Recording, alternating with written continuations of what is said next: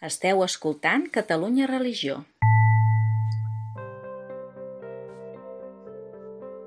Benvinguts a la sessió de juliol i última sessió d'aquest curs del Club de Lectura en Fe de Llibres. Com sabeu, és l'espai que Catalunya Religió dedica a comentar els llibres triats pels lectors que participen del nostre club. Avui comentem el llibre Mira'm els ulls, de la consultora de comunicació i activista antiracista Míriam Hatibi. El seu llibre es va publicar l'any 2018 per Rosa dels Vents, que és un dels segells de Penguin Random House a Grupo Editorial. Per nosaltres l'hem recuperat aquest any perquè veureu que és un dels llibres que s'ha de mantenir, malauradament, any rere any. Pels qui no coneguin l'obra, llegeixo una mica l'abstracte, que és com un resum que fa la pròpia editorial. A partir de la seva pròpia experiència, Miriam Hatibi relata en primera persona el descobriment de ser diferent també la construcció d'una identitat plural. En un to proper i amb una enorme intel·ligència i agudesa, desmunta tòpics i estereotips sobre la diversitat i també reflexiona sobre els conceptes d'integració, assimilació, tolerància, convivència i altres temes. Avui, a més, comptem amb, amb ella, amb l'autora, la Míriam. Moltes gràcies de veritat per ser al nostre club de lectura modest i obrim micròfons i preguntem als membres del club, que avui som un, un grupet, doncs primer, què ens ha semblat aquest llibre? A veure, què li diem a la Míriam? Tenir l'autora aquí també ja sabem que ens pot fer més recança, però coneixent-la, sabent com és, doncs res, uh, diàleg obert, sense cap mena de, de censura i li expliquem què ens ha semblat. Jordi Xavier, has agafat paraula. Sí, he agafat la paraula perquè, a part de saludar a la Míriam, assalamu alaikum, eh, Ai, com volia ensenyar, el que passa que no, no el veureu potser, no? Bueno, sí que es veu. Marroquins a Barcelona, 22 relats. És un llibre que diu Marroquins a Barcelona, 22 relats, un llibre publicat l'any 1983, que per mi va ser una joia, que és eh, entrevistes a marroquins que han vingut a viure a Catalunya. El que voldria dir abans, però, és eh, que t'he de demanar disculpes, Míriam, perquè no he llegit el teu llibre. Bueno, eh, els, els altres col·legues del club ja saben que, que jo passo moltes temporades fora de Barcelona, aleshores és molt, molt complicat el tema d'adquirir llibres i aquestes coses. Eh, el que sí també et volia dir, que després sortirà també, suposo, aquest tema durant la conversa, és que eh, jo tinc una experiència molt positiva, molt, amb el tema de el conèixer tot el tema de, dels marroquins, el tema de l'islam, perquè jo vaig fer la mili a Ceuta, aquella època uh. que es feia l'Emília. Ah. Vaig fer l'Emília a Ceuta. I a Ceuta vaig conèixer una família, actualment són espanyols pel tema polític, però que són marroquins, ja m'entens. I em van, per mi va ser com una segona família, em van tractar com un fill. No? Per tant, aquesta gran experiència que jo tinc d'haver conegut després el Marroc, gràcies a aquesta família, etc etc. Vaig anar al casament, del fill de la, de la família, al Marroc, bueno, en fi, tot, tot una experiència molt enriquidora, molt bonica, que, lògicament, eh, ja, jo tenia 21-22 anys, em va fer obrir els ulls eh, vers tot aquest tema, no? Per tant, a mi la paraula, la paraula racisme, la paraula no sé què, no, no, no, no entra en el meu vocabulari. D'entrada volia dir això. Gràcies. A tu. Moltes gràcies. A veure, més, més opinions. Qui s'ha llegit el llibre? No passarem llista, però... Mari Carme, a veure. Ja, ja puc parlar. Mm, hola, bona tarda. Mm, m'ha agradat molt. A més a més, a mi em fa molta gràcia perquè com que jo estic mestre, soc mestra jubilada i per tant la primera mainada que vam tenir que començaven, que venien del Marroc, és que n'hi havia molt pocs. I tinc molt bona, molt bona experiència jo, perquè és que els cuidàvem tots els portàvem, i la seva mare i tot ens deixava roba perquè és que tot era molt nou per nosaltres. No coneixíem res per, la, per tant la menada que tenim. Menada petits, eh? menada de primer o segon o aquests, no? I la seva mare tenia prou confiança per deixar-nos deixar alguna peça de roba perquè veiéssim quines, que el, teixit eren diferent del nostres. Tota la mainada i tothom els, els, els cuidava molt. Sí. Sí, sí, jo crec que hi va haver una època que era molt, com molt dolç tot, no? Eh que sí? Jo penso, aquell apartat que dius que la teva mare amb dues amigues més varen atrevir-se a venir, que tenien passaport, havien estudiat a modista i uns diners.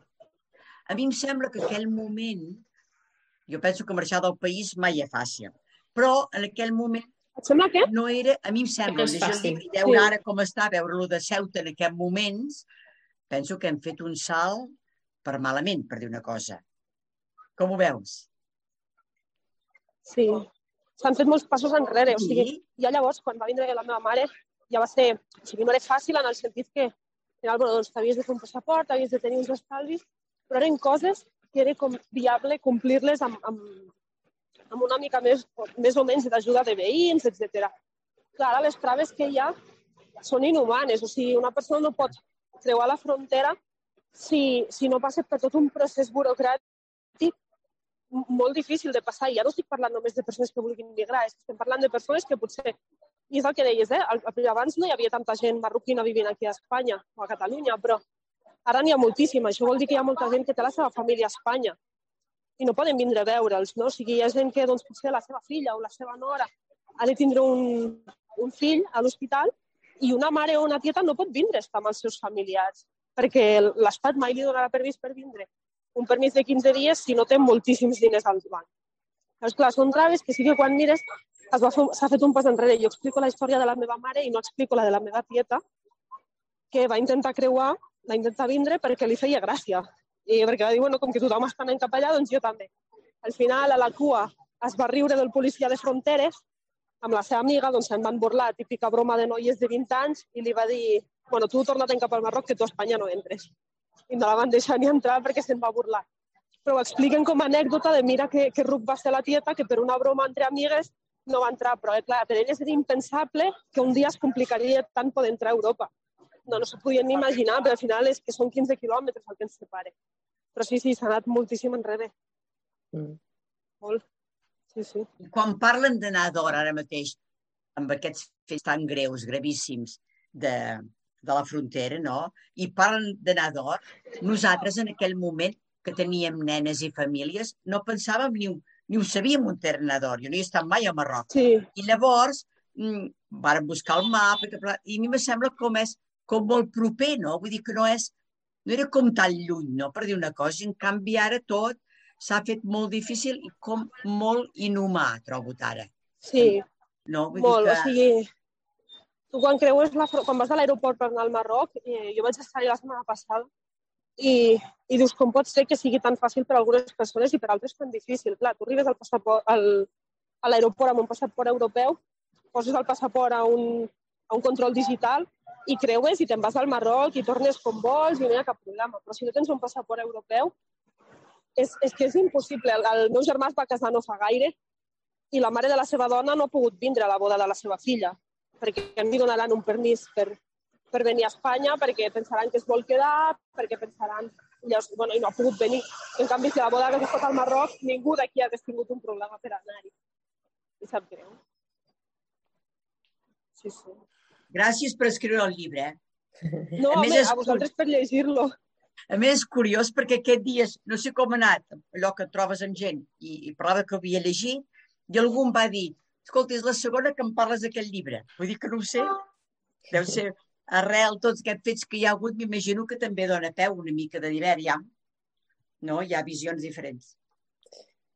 Bueno, jo crec que hi ha llibres, eh? com dèiem a l'inici, hi ha llibres que tenen una època, sempre ho hem dit, que hi ha uns fets molt concrets, però aquest llibre de la Míriam, doncs, eh, diem malauradament està d'actualitat perquè parla d'un de, tot un tema transversal que, com deia ella, doncs, ha anat enrere i, i esperem, tenim esperança que tot vagi cap a millor. Per això veus com la seva doncs, són importants per anar trencant eh, en petits espais com el nostre, doncs alguns prejudicis encara ens quedin o tota la ignorància que arrosseguem. Uh, de fet, un dels llibres que, que hem llegit, que ja ho sabeu, L'apicultor de l'Ed, no? doncs és una part crua que no haguéssim pensat mai que estava plenament tan enllaçat, però sembla que haguem fet un discurs de curs del Club de Lectura doncs, amb la llarga caminada eh, que ens venia de Rússia al Gulag una mica lluny, Uh, hem passat de Síria i ara doncs, una persona que es veu de- d'altres. Tot i que la Míriam jo crec que sempre diu que ella parla per ella, però jo crec que és veu d'un col·lectiu doncs, que, mm, bueno, d'agraïment, no? Eh, doncs ella ens ho ha explicat en la pròpia persona, però segur, segur que coneixem, com deia el Jordi Xavier, moltíssima altra gent que durant generacions doncs, ha fet el mateix que ha fet la seva família i ella mateixa aquí. Haver d'estar explicant constantment doncs per què porta vel o per què, per què parla també el català, no? Una cosa que no ens hauria de sobtar sabent que ella ha nascut aquí. Doncs sí, sí, el mateix. L'altre dia una companya deia a Twitter que, que li havien dit que bé que parles català, ella li va dir a la persona que li havia dit, tu també, gràcies. l'altra persona es va quedar com, bueno, com es va quedar com bloquejada, no? Com per què m'està felicitant? I ja suposo que ho va entendre perquè el que estava fort. Però sí, sí. Bona tarda. Eh, hola. Hola. Agrair el llibre i agrair perquè és una veu de dona també, no? Perquè normalment quan mm, parlem de, del Marroc acostumem a tenir la veu dels nois. bueno, jo col·laboro en un projecte i sí. que tots són nois majoritàriament i per tant les històries que conec són de les seves travessies, no? de com han arribat i com... I en canvi veig a les mares a través dels seus mòbils quan es truquen per saludar o per abraçar, però no, mai, mai, havia, mai havia vist tan de prop una, la veu d'una dona, no? L'altra perquè és, una, és com una conversa. El llibre, tot el llibre és superplaner, molt clar. Es, es nota que és la teva vivència i la de la teva família i, a més, és com una conversa superactual, cada vegada més, per, per desgràcia, per, pel que estem vivint, mm, però que t'apropa temes que no només afecten al Marroc, afecten a qualsevol tipus de, de, de migrant o de qualsevol tipus de persona que ha de sortir del seu país, que mai surt perquè vol i que ha d'arribar a un altre i si l'espera o no, si la, el país d'acollida espera o no espera les persones migrades. No? Bueno, podem continuar la conversa de mil maneres. A mi em va agradar molt el tema de la discriminació positiva que deies, el, com, com, ho, com ho explicaves, eh, perquè ens hem omplert la boca no? d'aquestes discriminacions positives a les escoles, a les, a, al carrer, a les feines, i en realitat no són positives, com tu dius, en molts moments, no? perquè el que fan és, bueno, doncs, com que porto bé, bueno, perquè soc marroquí, com perquè sóc diferent, doncs, aconseguiré aquesta feina, aconseguiré uh, o me la donaran mm, o li donarem per fer el cupo de la feina, al tant per cent, no? O perquè és una persona discapacitada, és igual. Eh, aquesta discriminació positiva que, durant, que és que va ser un, un, un terme que, es, que va sortir fa uns anys, que ens n'hem omplert la boca socialment molt i que amb el temps és, un, és una trampa, per dir-ho d'alguna manera per mi era molt important això de l'experiència que les persones tenen quan estem participant en una conversa o estic parlant de tu a tu i explicant-te eh, com em sento, el que m'ha passat o com veig les coses, que el llibre es mantingués, que al final jo no volia fer un llibre que fos un estudi ni que fos com una cosa molt, molt teòrica, sinó que fos, si algú li fa vergonya vindre a una xerrada i fer preguntes, com ho solucione? Doncs comprant un llibre o agafant un llibre de la biblioteca i llegint-lo a casa teva en un sofà i és una forma de tindre una conversa sense la vergonya de a veure si faré una pregunta fora de lloc o a veure si faré una pregunta i la persona s'ofendrà. Llavors, m'agrada molt que hagi tingut aquesta sensació perquè era l'objectiu d'acabar el llibre i dir, jo he estat parlant amb la Míriam, no he estat llegint un llibre. I això, això em fa il·lusió que hagi passat. Per part meva, sí, realment ha sigut així. Eh? I l'altra cosa, una, un apunt. Um, jo vaig ser mestre durant molts anys de, de religió en un, en un institut públic i també vaig rebre eh, els primers alumnes marroquins que arribaven o d'altres religions a la classe de religió. Això era el curiós. Mm -hmm. I la gent em preguntava, i com pot ser que tinguis alumnes d'altres religions o d'altres branques eh, cristianes dintre de la teva classe? I jo, pues, I parlant amb les famílies, és un comentari que tu fas justament al llibre, no? Que si els meus pares tenien molt clar que m'havien d'apuntar a una escola religiosa perquè els tipus de valors, sí. encara que fos una altra, eh, eren, eren els mateixos, no? I m'ha recordat molt aquella època. Només et volia dir això. Que bé. Sí, no, per mi va ser una època molt, molt dolça i, i la recordo molt i em vaig, o sigui, una bona escola. I molt bé, la veritat. Teresa, que abans te... volies agafar paraula. Tranquil·la, sí. No, jo també dir-li a la Míriam que m'agrada molt el llibre, que aquest, aquest to planer, que es fos com una conversa, ha estat molt interessant i una cosa que em sorprèn del, del llibre és en, en el moment en què ens expliques la teva experiència a l'hora de treballar i l'experiència que tens quan no vols, no vols anar a fer, a, anar tu com a representant de l'empresa perquè tens aquesta por, no? no sé, dir-nos una mica com ho portes o què has fet. Has pogut superar això perquè també doncs, és una trava aquesta no? a l'hora de treballar. Sí, la veritat és que eh, no, clar, al final és molt important que l'entorn de la feina eh, em vaig sentir com molt recolzada per les persones, pel meu cap al final i pel meu company de feina. Llavors, com que va ser el moment d'obrir una conversa de, de, com, de com a mi em feia por sentir-me i com això podia impactar negativament l'empresa. Llavors vaig anar a aquella reunió, aquell client no el vam guanyar per altres raons, però no vam aconseguir aquest client. I llavors sí que he anat a altres reunions, també és veritat que al final bueno, vaig portar més temps a l'empresa i això em, va fer, em fa sentir com molt més segura i, i després també pensant en l'impacte que això pot tindre dins del propi projecte o, o amb altres persones. Llavors, això sí que ha canviat moltíssim i, i estic molt contenta perquè d'alguna forma és com un espai segur d'haver definit un, bueno, una mica el món de treball idíl·lic que nosaltres volem a l'empresa, el tenim allà com creat un petit ecosistema de, de com és el món ideal, llavors estem doncs, un catòlic, un ateu, una musulmana i una catòlica dirigint una empresa de comunicació. No? I, és molt divertit perquè tenim un mini ecosistema de... Aquí tothom tothom s'entén i tot va bé. I després el món és una altra cosa, però bueno, dins de la nostra parcel·la ho fem crec que bastant bé. Mm.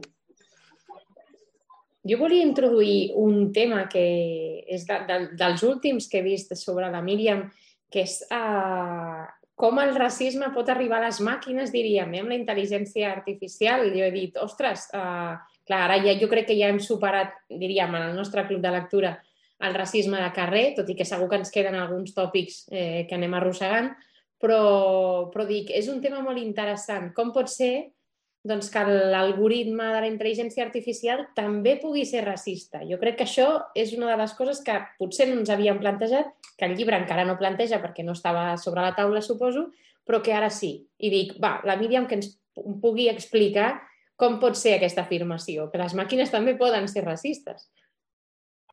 Sí, això per mi ha estat com el gran tema de l'últim any des que m'he involucrat amb el Gorreis i el que al final veiem és eh, el món és racista i d'alguna forma com que vam començar a pensar que les màquines eren neutres i que era humanitat versus màquina, en lloc d'entendre que la màquina era un, un, descendent de l'humà d'alguna forma, no? que al final aplique la forma d'entendre el món que els humans hem tingut durant molt temps i, i llavors això es reprodueix a, a una escala molt accelerada. Un exemple és com s'està fent servir la tecnologia per fer reconeixement facial a fronteres i el que dèieu al principi, s'està tornant més difícil creuar una frontera perquè la tecnologia està fent que sigui molt més automàtic tot, que sigui molt més automàtica una expulsió, que quan una persona intenta creuar una frontera se li recullen les, eh, la huella dactilar i després està controlada a tots els països de la Unió Europea, Europea en qüestió de segons i això impossibilita que si intentes entrar des d'Espanya i després pel que sigui acabes entrant per Itàlia ja estàs en el sistema com una, com una persona que ha intentat entrar de forma irregular i potser ets un, ets un sol·licitant d'asil o, o una persona exiliada. Llavors s'estan reproduint dinàmiques i accelerant els processos i, i no tenim cap tipus de control perquè totes les lleis de protecció de dades s'apliquen a persones amb nacionalitat espanyola amb nacionalitat, amb alguna nacionalitat d'algun país europeu, però la majoria de vegades no apliquen a persones migrants o sol·licitants d'asil i refugi. Llavors és molt preocupant perquè tu diu, et diuen no, la teva imatge, o per exemple, les teves dades sanitàries estan protegides. No? La, el, de fet, el Servei Català de Salut no les pot compartir amb el Servei Andaluz, amb el Servei Andaluz de Salut però les teves perquè tu ets un ciutadà europeu, però les dades de salut d'una persona migrada les pots compartir tota Europa en qüestió de segons. I llavors dius, ostres, estem parlant per una part de lleis de protecció de dades cada cop més avançades i no pots gairebé ni descarregar-te una aplicació al mòbil com podies fer fa cinc anys, però amb, el, amb tot el que té a veure amb persones migrades és que és un altre discurs completament diferent. Per sort, cada cop hi ha més llibres sobre això, però a mi és que cada cop que m'expliquen un cas d'Algo Reis, perquè tenim uns investigadors i, i persones que estem en comunicació. Cada cop que els investigadors ens expliquen un cas, és que com a que se't posa la pell de gallina de dir com pot ser que això estigui passant avui o que estigui passant fa 10 anys o que porti 30 anys passant i jo no ho sabia. I és, és, molt, és molt greu. És molt greu perquè és, és cada cop més inhumà. Tu tens sensació de, de, de, de ser veu d'un col·lectiu? Allò que al principi també en el llibre dius, mira, que jo explico la meva història, no pretenc tampoc que, tot, o sigui, que tothom sigui com jo, perquè hi ha gent molt diversa a la vida, no? Dins d'un propi col·lectiu, doncs també és molt difícil. Però, mm, clar, mm, t'hem convidat al final i hem llegit el teu llibre perquè doncs tens una trajectòria que t'has anat eh, guanyant a, a base de, doncs, al principi entrevistes per causes que tant de bo no haguessin passat, però que t'han donat al final veu eh, per parlar d'altres temes. Et sents així, com amb aquesta Sí. responsabilitat de ser veu d'això? Sí que sento que he d'anar amb compte perquè hi ha persones que l'única persona musulmana amb la que han parlat en molt temps és amb mi, llavors, bueno, he d'anar una mica amb compte a vegades, però, però sí que cada cop hi ha més persones musulmanes parlant des de diferents àmbits, llavors això cada cop dona més llibertat també, perquè al final jo tinc la meva opinió com a Míriam, i després hi ha la Sàfia que té una altra opinió i la Ràmia que potser en té una altra, i cada cop som més, i llavors, bueno, també crec que sí que va canviant. Hi ha moments en els que és inevitable que les persones que parlin amb tu et prendran com és la persona musulmana, però hi ha altres moments en els que no. Què més coses li diem a la Míriam del seu llibre? Jordi. Va, deixeu-me que acabi el tema de Ceuta, que és molt, molt bonic. Un dia jo estava a casa del meu amic, musulmà, i van arribar unes eh, amigues de la mare i li van preguntar en àrab, què fa aquest infidel aquí, a casa teva? I ella, tota seriosa en àrab, el meu amic m'ho anava traduint, va dir, la vida m'ha donat un fill, però Allah m'ha concedit aquest altre fill. bueno, imagineu què vol dir això eh, per mi, no?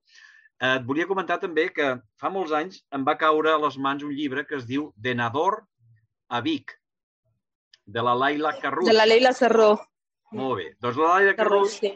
Sí, doncs eh, em va agradar tant el llibre eh, que em vaig atrevir a fer una cosa i és escriure-li una carta manuscrita perquè en el llibre apareixia la seva adreça, a Vic, i li vaig escriure. I bé, no tan sols em va contestar, sinó que ens vam conèixer personalment, va venir a Barcelona, vam dinar junts, la vaig acompanyar a un centre que anava a fer una xerrada, etc etc. bueno, eh, el que passa, el que he dit abans, jo, el tema del racisme, jo crec que ve moltes vegades pel desconeixement si, si les persones es coneixen, si les persones eh, interactuen, si conviuen en, sense prejudicis de, de cap tipus, doncs el coneixement és el que ens apropa a les persones, no? Molt bé. Doncs la Leila acaba de publicar un altre llibre, ara no fa gaire. Senadora Vic va ser dels primers llibres que jo vaig llegir escrits per dones marroquines, perquè no, no hi havia referents i, de fet, el, el llibre crec que ho explico, que anava a la biblioteca buscant cognoms que sonessin complicats i el de la Carruix era, era un, de Nadora Vic. Sí, sí. El que ara he publicat és el que Allah em perdoni, sí, jo encara no l'he llegit, però tinc la relació entre una musulmana i un noi ateu, català. Ah, val. Ja. S'haurà de llegir perquè escriu molt bé la Leila. Sobre, sobre el títol, uh, Míriam, jo també et volia preguntar, clar, no sé si és un, un títol utòpic, és a dir, mira'm als ulls és eh, el que tots voldríem, eh, però costa de fer eh, i tens sensació de que anem mirant als ulls o encara hi ha traves, obstacles, eh, contextos que ens dificulten? És molt difícil, és el que deia el Jordi. I amb els ulls era com una mica una aposta per aquest escoltar-se de veritat, no simplement un, un parla i l'altre respon, sinó una conversa de veritat entre dues persones, eh, una mica com directament escoltant a l'altre. Però, però és molt complicat, sobretot perquè al final hi ha moltes persones que estan molt còmodes en la seva realitat i, i hi ha una part també que té a veure amb perdre privilegis. Llavors, moltes vegades escoltar a al col·lectiu que està oprimit passa per reconèixer que tu ets opressor I això no és còmode d'escoltar per ningú. I passa moltes vegades també per reconèixer que hi ha una, uns privilegis que potser hauràs de perdre i que potser ho estàs fent malament i que potser t'estàs equivocant. Llavors és, és molt i molt difícil, però crec que des de diferents àmbits socials s'està treballant tant que ho fa una mica més, més fàcil. No? Al final, si una persona comença a estar oberta, abans, per exemple, no Siguera, que parlava de la discriminació positiva, també s'aplica al, al, als àmbits de discapacitat. Clar, si una persona ha treballat des de la diversitat funcional, és molt més fàcil que t'escolti un altre marge que una persona que mai ho ha fet. No? I una persona que hagi pensat en feminisme és molt més fàcil que t'escolti l'antiracisme o, bueno, com a que comença a haver-hi més escletxes des d'on fer-ho. Mm. Ah, però a la vegada també eh, hi ha espais que s'han anat tancant moltíssim. Ja no, no esmentarem ja la, les infinitats de barbaritats que es diuen políticament i, i partits que no haurien de ser però hi són, uh, que sempre hem denunciat des d'aquí, però no sé si per tu hi ha àmbits on creus que el diàleg ja ha estat superat, o sigui, ja està integrat i, i dius, mira, ara eh, potser l'àmbit més complicat on jo no m'hi sentiria còmode dialogant mm, és un altre. No sé si tens aquest eh, espai en ment. Jo crec que no hi ha cap espai on, on, on la feina ja estigui feta. O sigui, tots els espais segueixen sent espais de discriminació si no es uneix en un altre. I llavors crec que sempre hem d'estar alerta d'estar disposats a obrir converses, d'escoltar i assumir que potser sense saber-ho estic fent mal a una altra persona i que això és una possibilitat que sempre està allà pel simple fet de que jo com a humana tinc la meva perspectiva del món i no les incorpore totes i això és el més natural. Però, però sí que hi ha espais que jo, per exemple, ja no, no tinc intenció de canviar i uns són certs espais polítics, per exemple, o certs espais socials. O sigui, hi ha eh, estrats socials que no tenen cap interès en mirar cap a baix. Llavors, eh, les demandes dels col·lectius racialitzats o de les persones d'origen migrant no, no són crits de socor d'auxili ni, ni són peticions de respecte, sinó que són peticions concretes de canvis que la societat necessita. Els que estigui disposat a escoltar, benvingut sigui. I no, tampoc li farem eh, una, un sopar per demanar-li, sisplau, que ens miri no, no hi ha cap intenció d'aquesta necessitat de humanitzar l'altre perquè si no em sento malament. O sigui, hi ha unes estructures socials que han de canviar, però a partir d'aquí el respecte, que el vulgui donar perfecte i qui no el vulgui donar també molt bé. Crec que hi va haver una època en la que semblava que havíem de demanar que, sisplau, se'ns respectés. I, bueno, jo crec que això ja està superat. Mm -hmm. Què més coses? Carme, encara que no t'has llegit el llibre, tu què opines de tot això? que treballes també a les perifèries d'altres temes. No, i a les perifèries, bueno, jo l'anava escoltant i tant com ella no he llegit el llibre, però el tinc ja pendent de demanar-lo i poder-lo llegir. Però penso, no sé el tema de la integració. Jo de vegades mm, els ambients que moc eh, és com un col·lectiu que fa molt el seu, el seu món. Vull dir que que costa un diàleg de tu a tu. Jo tracto molta gent a través de la PA, però tots són gent amb problemes de... D'habitatge, clar. D'habitatge, de no feina, de tot.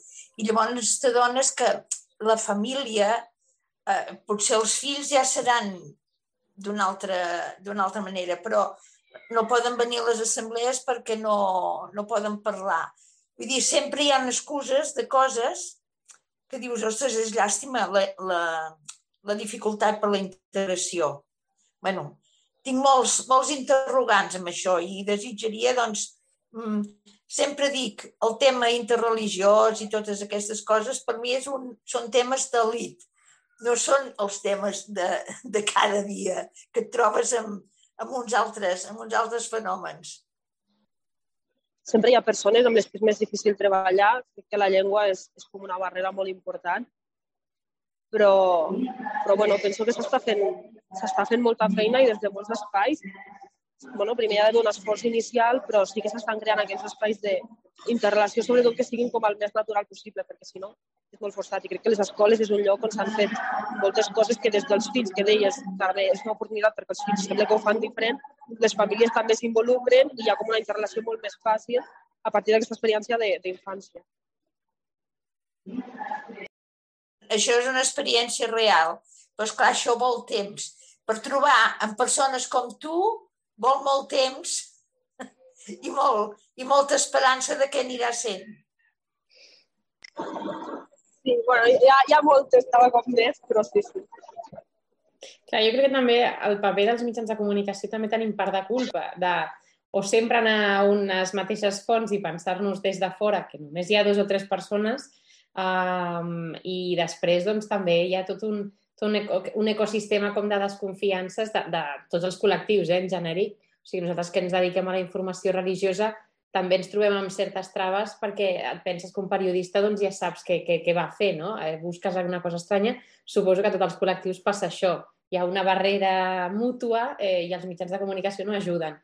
Una del, un dels conceptes que la Míriam posa en el llibre, eh, posa molts eh, sobre la taula, però hi ha un que diu que, per exemple, en el tema dels mitjans de la televisió doncs no hi ha reflex de, de la diversitat de la societat que vivim. I jo ja no parlaria tant de les notícies perquè ja és una cosa que sabem, però, però bueno, sí que de... ja és una pregunta col·lectiva perquè la Míriam ens avisa que agafa el tren i no sap si, si tallarem conversa. Ja sap que si l'ha de tallar i veu que no, doncs nosaltres seguirem i no passa res, t'ho agraïm igual. I doncs us anava a preguntar si teniu la sensació també en sèries de ficció i en programes i en pel·lícules que mirem a la televisió habitualment, si aquesta diversitat que al carrer ja hi és i que bueno, el Jordi explicava d'anys enrere, però que avui ja és una realitat, doncs eh, està ben representada o el que hem fet és, eh, en el cas del col·lectiu migrant, doncs fer un folklore de certes històries, certs, certs conceptes. Míriam, comencem per tu a veure si tenim sort i, i encara ens pots parlar. Val. Bueno, jo crec que serà aquesta ja l'última, però sí, sí. No, el tema de la, de la tele, jo, o sigui, al final hi ha com unes cadenes de relacions naturals que és inevitable que es donin. I al final un periodista hi ha com una persona que està tot arreu, però després no hi ha accés a més gent.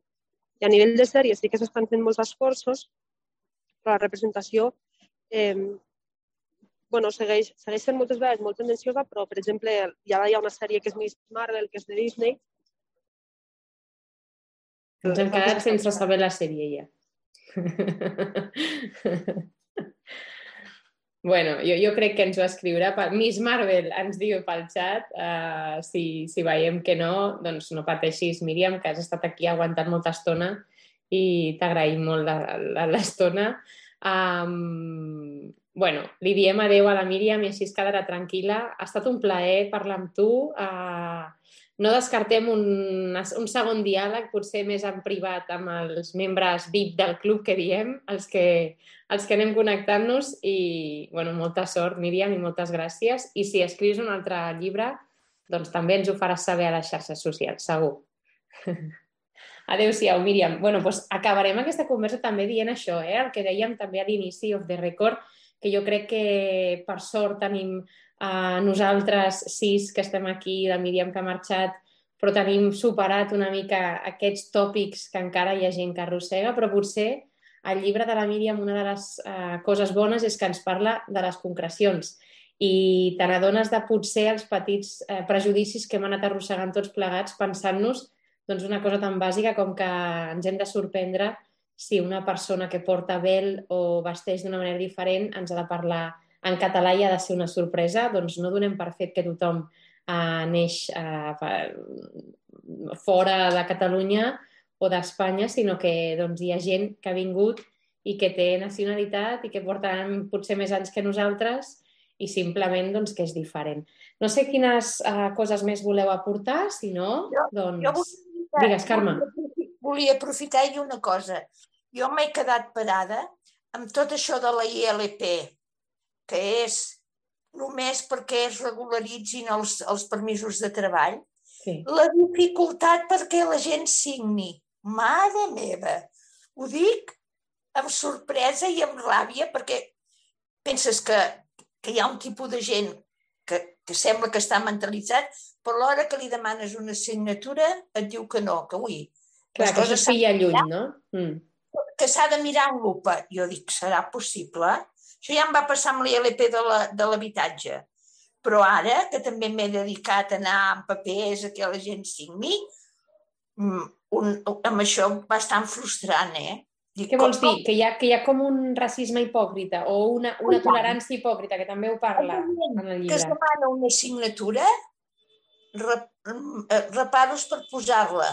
I llavors dius, bueno, bueno, tenia ganes, ja que el tema era d'aquest de dir-ho.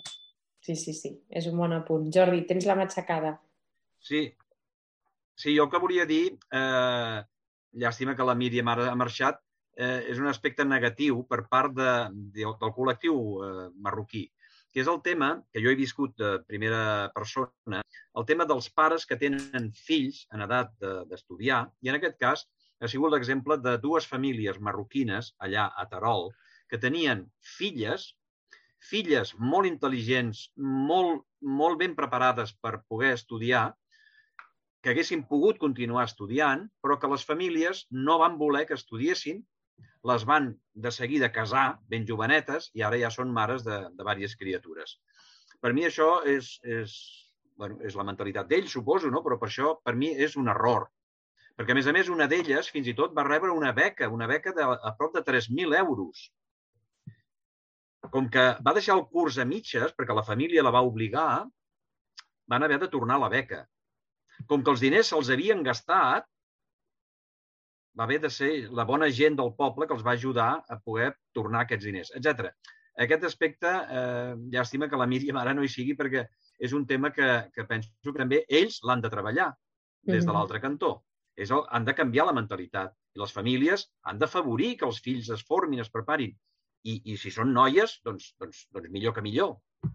Sí, jo, jo, jo crec que el, que el que deia, i també sovint ho diu, eh, és que és com un treball de, de, de doble. bueno, al final la vida també doncs és un camí que has d'anar avançant i no donar res per fet, no? d'una banda d'una altra, però ella també és bastant crítica i suposo que, bueno, si teniu ocasió de seguir-li al perfil de Twitter, doncs també en molts moments ha criticat el seu propi col·lectiu a qui defensa o a qui dona veu, no? perquè, doncs, com ella diu, al final la gent és molt diversa i sí, qüestions d'aquest tipus sabem que es donen, però bueno, eh, està bé apuntar-ho, però dir, no ens quedem amb aquesta amb això que per sort doncs, eh, suposo que no és la tònica o mira, ella ens ha donat una mostra de que, de que ella ha continuat estudiant i que coneix gent que continua, no? Doncs això està, això està bé.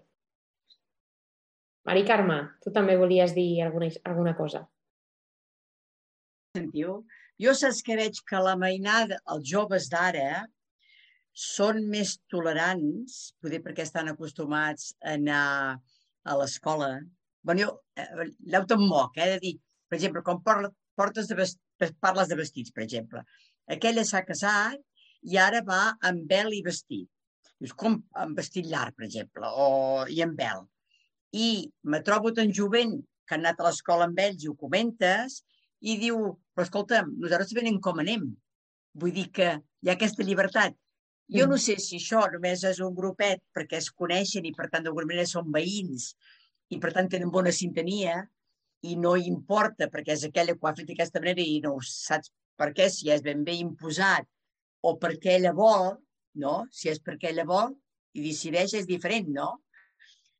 Jo, jo això ho he vist diferent d'un de més gran que a vegades costa més de, de veure. No sé, poder és perquè és un... Això, perquè si et coneixes, és diferent. Bueno, sí, això no sé. Bé, eh, això, això, això, està, això està demostrat i hi ha vídeos no, que, que, que també d'experiments amb nadons, inclús, que són diferents els nadons i, i, i ningú té prejudicis. És a dir, quan tu ets petit, uh, no veus la diferència, la diferència no existeix i jo crec que està demostradíssim que els prejudicis, els obstacles, el rebuig, eh, les coses que ens muntem, doncs el creem a mesura que, que anem fent el camí, no? I per això una de les coses tan bones del llibre de la Míriam és que ella explica, però amb un exemple molt clar, que això a la seva escola no passava. És a dir, ella no, no se sentia diferent. I si era diferent no era res negatiu, no? Doncs, eh, bueno, aquí la importància del Jordi quan deia, clar, que les noies o els nens continuïn la seva formació no és només per coneixement, és perquè l'escola estructura moltes coses, no? I, doncs sí, sí. Bueno, si no hi ha... Digues, Jordi, què ens ensenyes? Mira, una imatge que exemplifica perfectament això. Clar, veus, és que els infants no tenen problemes. Diu, pongan dos niños juntos y serán amigos a menos que algun adulto les ensenyi l'odio. Efectivament. Certament, sí, sí, eh? és que just, és just això. Doncs uh, deixem-ho aquí. Uh, moltes Molt gràcies a, a vosaltres per Club de Lectura, també del curs. Um, agafarem l'estiu amb moltes ganes i, i ens retrobarem en el proper trimestre de curs. Tindrem informacions sobre la valoració i, bueno, espero que llegiu molt. A l'estiu no us posaré deures, és a dir, poden ser llibres lliures, no us recomanarem, eh, no us recomanarem cap llibre, però aneu apuntant una llista de, de llibres que us agradin, perquè segur que de ben segur de tots podem, podem fer diàleg. De fet, ja podríem començar amb aquest de Vic, de Nadora Vic, eh? la propera. Ja de Nadora Vic parlar... és de Nadora Vic és, és bastant antic, perquè esclar, ja fa molts anys que el va publicar la Laila. Però a mi m'agrada molt, no?, perquè l'experiència d'una noia marroquina que Mhm. arriba de Nador a, Barço a Vic, concretament, que vol fer esport, la família no la deixa, bueno, en fi, Eh, està, està molt bé. Doncs I mira, el que, la recomanació últim- queda. aquest últim que us he comentat, que Alà em perdoni, aquest és més, Aquest és més aquest nou. és més fort, eh? aquest, és Eh. més, aquest és més dur. Sí, eh, sí. sí. Molt. Molt bé. Doncs moltes gràcies. Gràcies a tu, Gràcies que a vagi tu. molt bé tot. Exacte. Gràcies. Moltes gràcies, Eh. sí. Catalunya Religió.